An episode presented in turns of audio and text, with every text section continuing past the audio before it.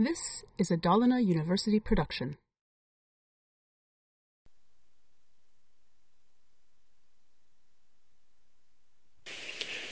Jag introducerar en ny loop som heter for loop. Och eh, skillnaden mot while-loopen det är att i for-loopens huvud så har du både en initiering av räknaren, eh, en koll av villkoret när loopen ska avslutas och en uppräkning av räknaren. Så allting skrivs i for-loopens huvud. Och här har vi en initiering av räknaren på rad nummer 17.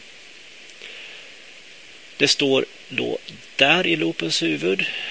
Här har vi villkoret som ska kollas om den här loopen ska avslutas eller inte. Så när det här villkoret är falskt så avslutas loopen och går till kodraderna efter loopens slut. Och sen så har vi uppräkningen av räknaren. Så allting sker i for-loopens huvud.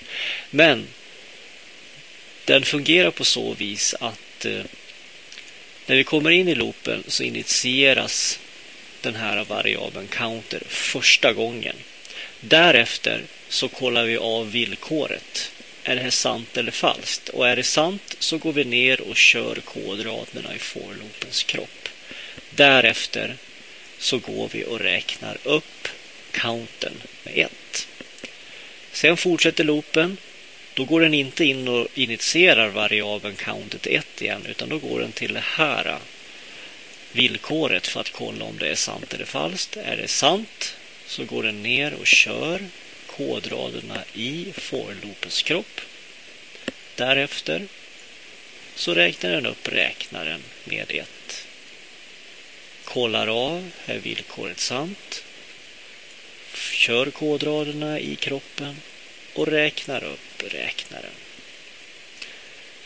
Så initieringen av den här counten körs bara första varvet i loopen. Sen bryr sig den här for-loopen inte om att initiera den här igen utan då körs bara villkoren och uppräkningen. Men det som är viktigt att komma ihåg här nu är att i for-loopens huvud initierar du räknaren, talar om villkoret som ska gälla för loopen. Den ska köra så länge som det villkoret är sant.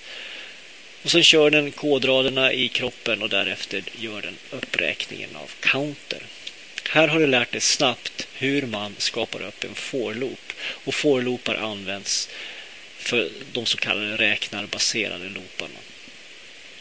Och den består av fyra delar. Vi initierar räknaren. Vi har ett villkor. Vi har en uppräkning och sen så har vi for-loopens kropp. Men kom ihåg ordningen att eh, första varvet i loopen initiera räknaren, kolla av villkoret, är det sant? Kör kroppen, räkna upp. Kolla av villkoret, kör kroppen, räkna upp.